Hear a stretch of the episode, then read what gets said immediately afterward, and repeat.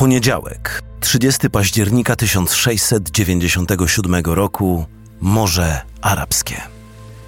Kapitan William Kidd jest na pokładzie swojego statku Adventure Galley, imponującej fregaty mierzącej prawie 40 metrów długości. Na pokładzie 160 członków załogi tylko czeka, aby wydał rozkaz do ataku. W tym momencie Kidd nie był jeszcze piratem, prędzej kaprem, któremu król Anglii zlecił plądrować i zatapiać wszystkie wrogie statki, które wpłyną na Ocean Indyjski. Ale jesienią 1697 roku przechodził trudny okres. Angielscy mocodawcy, którzy sfinansowali jego podróż do Indii Wschodnich, czekali, aż wróci nad Tamizę z ładowniami pełnymi przypraw, tkanin i cennych metali. Niestety, mieli się mocno rozczarować. Nastroje wśród marynarzy też nie były zbyt dobre. Takie łupy to nie łupy, ledwo starczały, żeby przeżyć. Wszyscy marzyli tylko o tym, aby zaatakować duży statek kupiecki i srogo się obłowić. Dlatego też 30 października, kiedy na horyzoncie pojawił się upragniony statek, załoga była gotowa do ataku. William Kidd kategorycznie jednak odmówił. Po pierwsze, statek pływał pod holenderską banderą, czyli był sojusznikiem.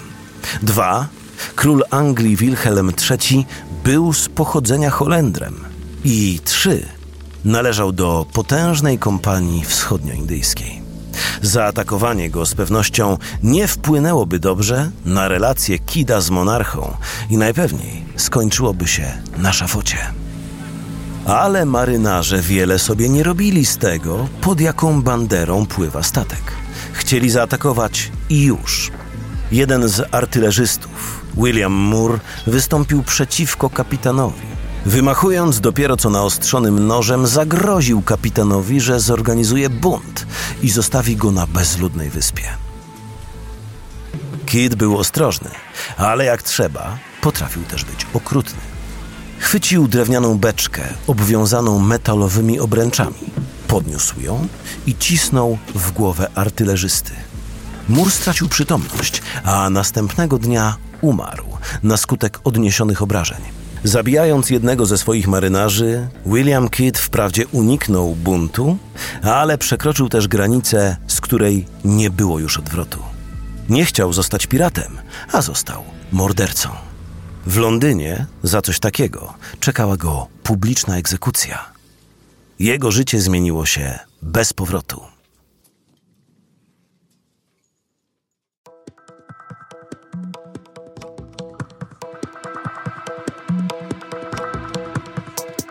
Z okazji premiery gry Skull and Bones poznaj historię największych piratów Oceanu Indyjskiego.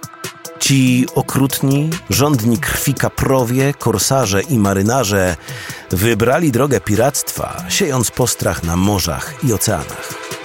Piratem się nie rodzi, piratem się zostaje. Zapraszamy na podcast Gangsterzy Mórz.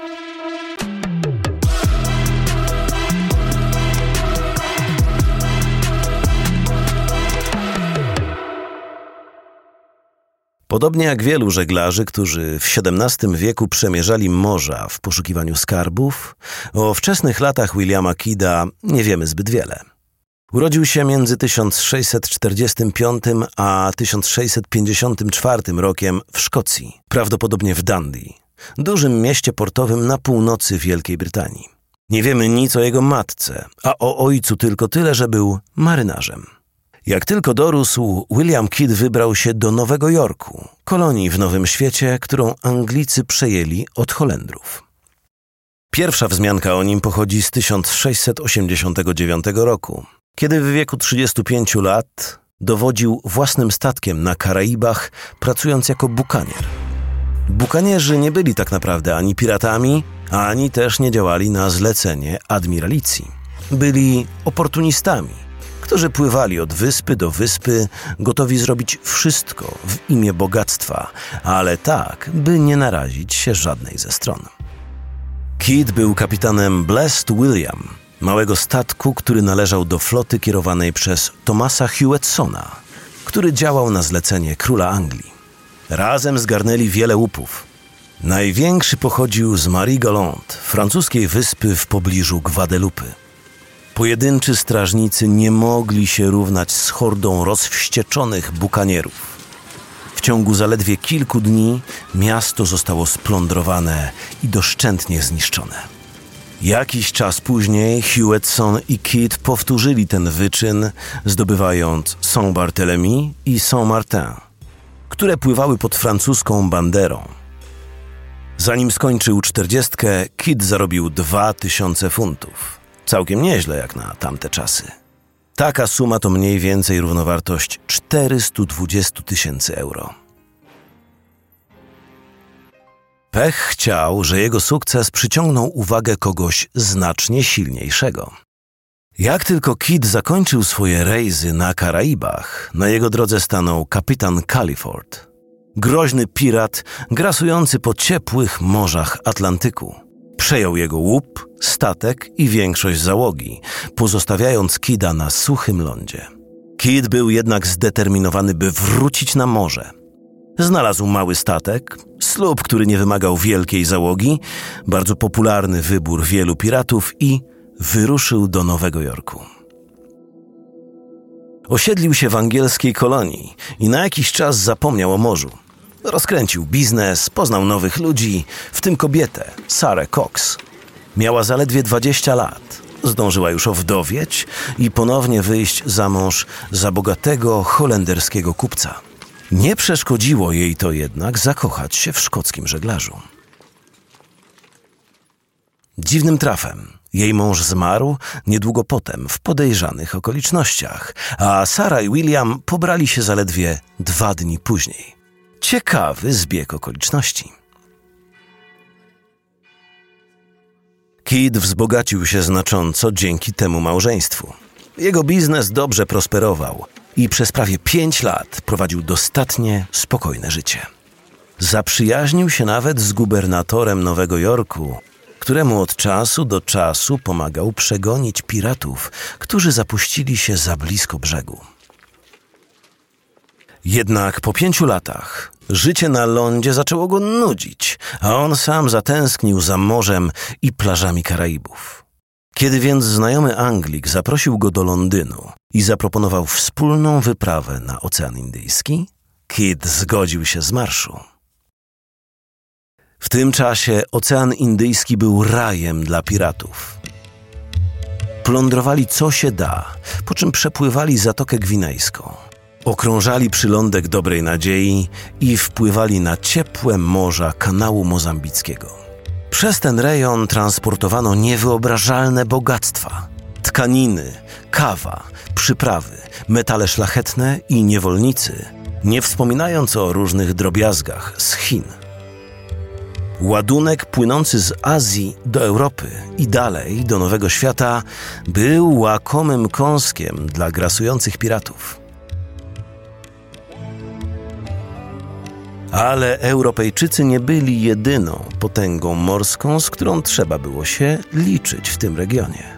Były też kompanie wschodnioindyjskie, które handlowały z lokalnymi mocarstwami oraz imperia Mogołów i Maratów, których statki przemierzały morza na południe i zachód od subkontynentu.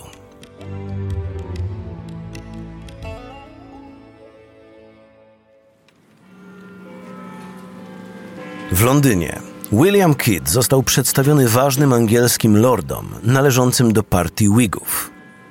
Byli bardzo blisko króla i chcieli sfinansować wyprawę na Ocean Indyjski. Kidd otrzymał 7,5 tysiąca funtów. Obecnie równowartość ponad miliona funtów, za które nabył nowiutką fregatę Adventure Galley. Był to piękny, 287-metrowy trójmasztowiec, który ważył prawie 325 ton i mierzył 38 metrów. Wyposażony był w dwa rzędy wioseł, które pozwalały zwiększyć zwrotność okrętu oraz 34 lekkie działa. Z załogą liczącą 160 osób, statek miał spory potencjał.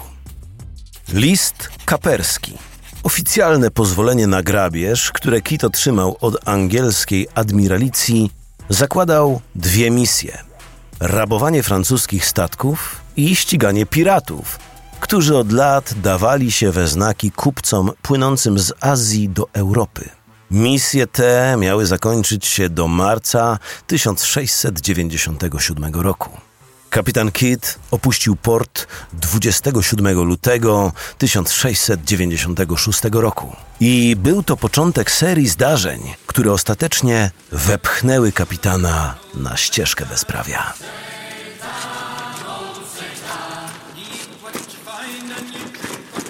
Podróż zaczęła się nie najlepiej. Gdy tylko statek opuścił Tamizę, William Kidd musiał oddać część swojej załogi na rzecz królewskiej marynarki wojennej. Gdy zatrzymał się w Nowym Jorku, żeby zwerbować nowych członków załogi, ci zaczęli stawiać mu wymagania. Wynegocjowali wyższą pensję i większy procent przyszłych łupów, ale kapitan nie miał wyjścia. Potrzebował ich, więc przystał na ich żądania. Co gorsza, podczas długiej przeprawy do Afryki i przylądka dobrej nadziei, część żagli rozerwała się, co znacznie spowolniło statek. A gdy dotarli do południowej Afryki, część załogi zdezerterowała na przepływający okręt wojenny. Kiedy misja oficjalnie dobiegła końca, Adventure Galley zacumował u wybrzeży Komorów, na północy kanału mozambickiego. List kaperski ważny był tylko do marca 1697 roku, a jemu do tej pory nie udało się zdobyć ani jednego statku. Miał dwa wyjścia.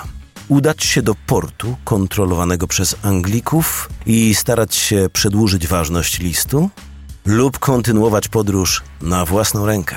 Wybrał drugą opcję, wiedząc, że jego mocodawcy nigdy mu nie wybaczą, jeśli wróci z niczym. Poza tym zainwestował w tę wyprawę sporo własnych pieniędzy. W nadziei, że uda mu się wyjść na prostą, Kit został piratem. Potrzebował jednak większej załogi. Po tym jak pięćdziesięciu marynarzy zmarło na gorączkę.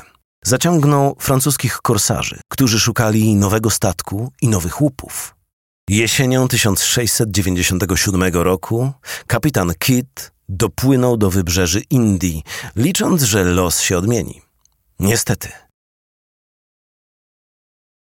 Po kilku miesiącach przemierzania Oceanu Indyjskiego nadal nie mieli się czym pochwalić. I tu wracamy do początku naszej historii. Do dnia, kiedy kapitan Kidd zabił swojego artylerzystę. Na horyzoncie pojawił się holenderski statek, na widok którego załoga Kida była gotowa do ataku. Ale kapitan postawił sprawę jasno. To nie był statek, który można było złupić. Zabronił atakować statku, w nadziei, że po powrocie do domu uda mu się uratować skórę. Wkrótce po tym wydarzeniu los Adventure Galley w końcu się odmienił. Kid wraz z załogą byli u wybrzeży miasta Kozikold w Indiach, kiedy zauważyli Ruparel, mauretański statek wypchany cennymi tkaninami. Kupcy nie mieli szans w starciu z piratami.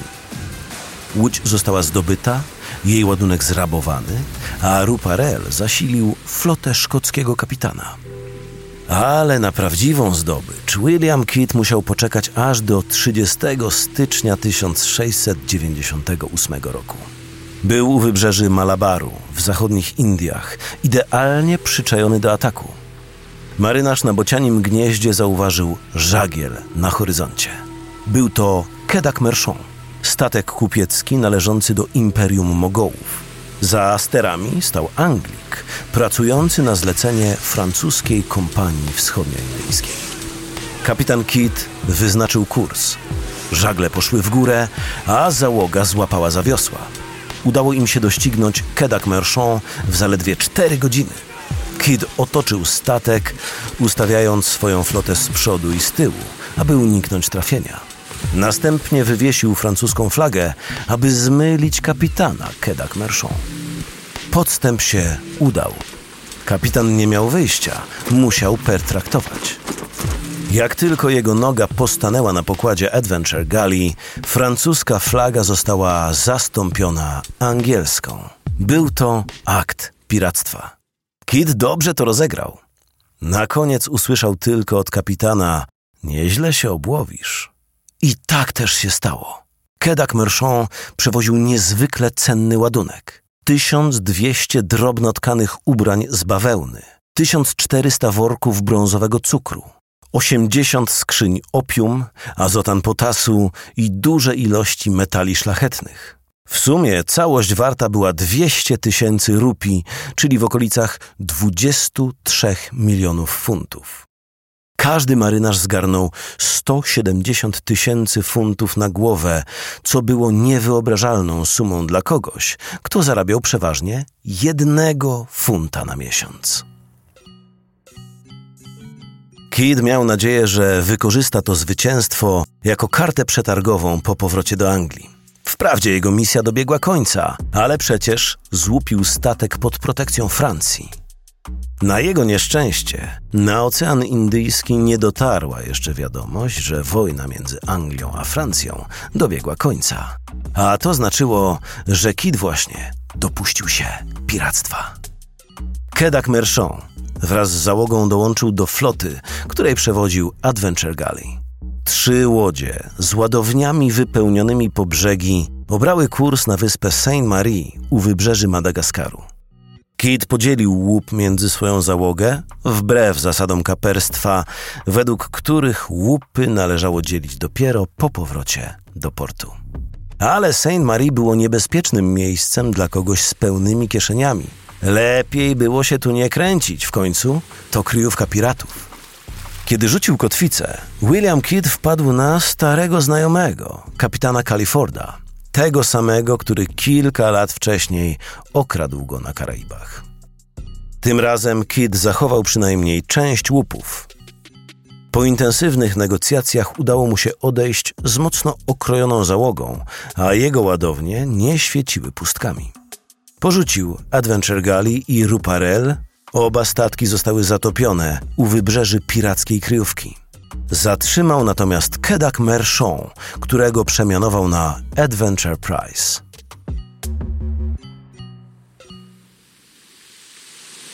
Piętnastego listopada 1698 roku wyruszył w drogę powrotną do Nowego Jorku. W międzyczasie jednak wiadomość o jego wyczynach dotarła na brytyjskie salony – Whigowie stracili kontrolę nad Izbą Lordów, a jego mocodawcy nie mieli już z niego żadnego pożytku. Torysi, partia, która miała teraz większość w Izbie Lordów, oskarżyli Williama o piractwo i wyznaczyli cenę za jego głowę. Jakby wiedząc, co się szykuje, kapitan Adventure Price postanowił zatrzymać się na Karaibach, gdzie ukrył część swojego skarbu i porzucił swój imponujący statek. Udało mu się zdobyć niewielki słup, podobny do tego, którym płynął do Nowego Jorku po splądrowaniu Marigoland. Kierując się na północ, zrobił ostatni przystanek na Long Island, gdzie ukrył resztę swojego skarbu. Myślał, że będzie on dobrą kartą przetargową na wypadek aresztowania. Jego przeczucie go nie myliło.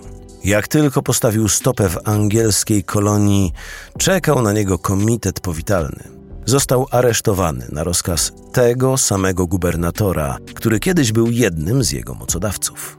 Kit trafił do portowego więzienia, gdzie przyszło mu czekać na transport do Anglii. Kilka miesięcy później William Kidd stanął przed brytyjskim sądem. Jego tłumaczenia na nic się zdały. Argumenty, że przecież nie zaatakował żadnych statków sprzymierzonych z koroną oraz że przywiózł ogromny łup, którego lokalizację obiecał ujawnić, nie trafiały do sędziów. Pirat, któremu nawet odmówiono adwokata, zdał sobie sprawę, że bez wsparcia politycznego jest skończony. 23 stycznia 1701 roku Kidd został skazany na śmierć przez powieszenie. Zaprowadzono go na rynek. Kat założył mu pętlę na szyję, po czym uruchomił zapadnie, ale lina pękła pod jego ciężarem. W normalnych okolicznościach uznawane to było za boską interwencję i oznaczało automatyczne ułaskawienie. Ale William Kidd nie miał tyle szczęścia. Kilka minut później został powieszony po raz drugi. To był tragiczny koniec kapra, który został piratem z przypadku.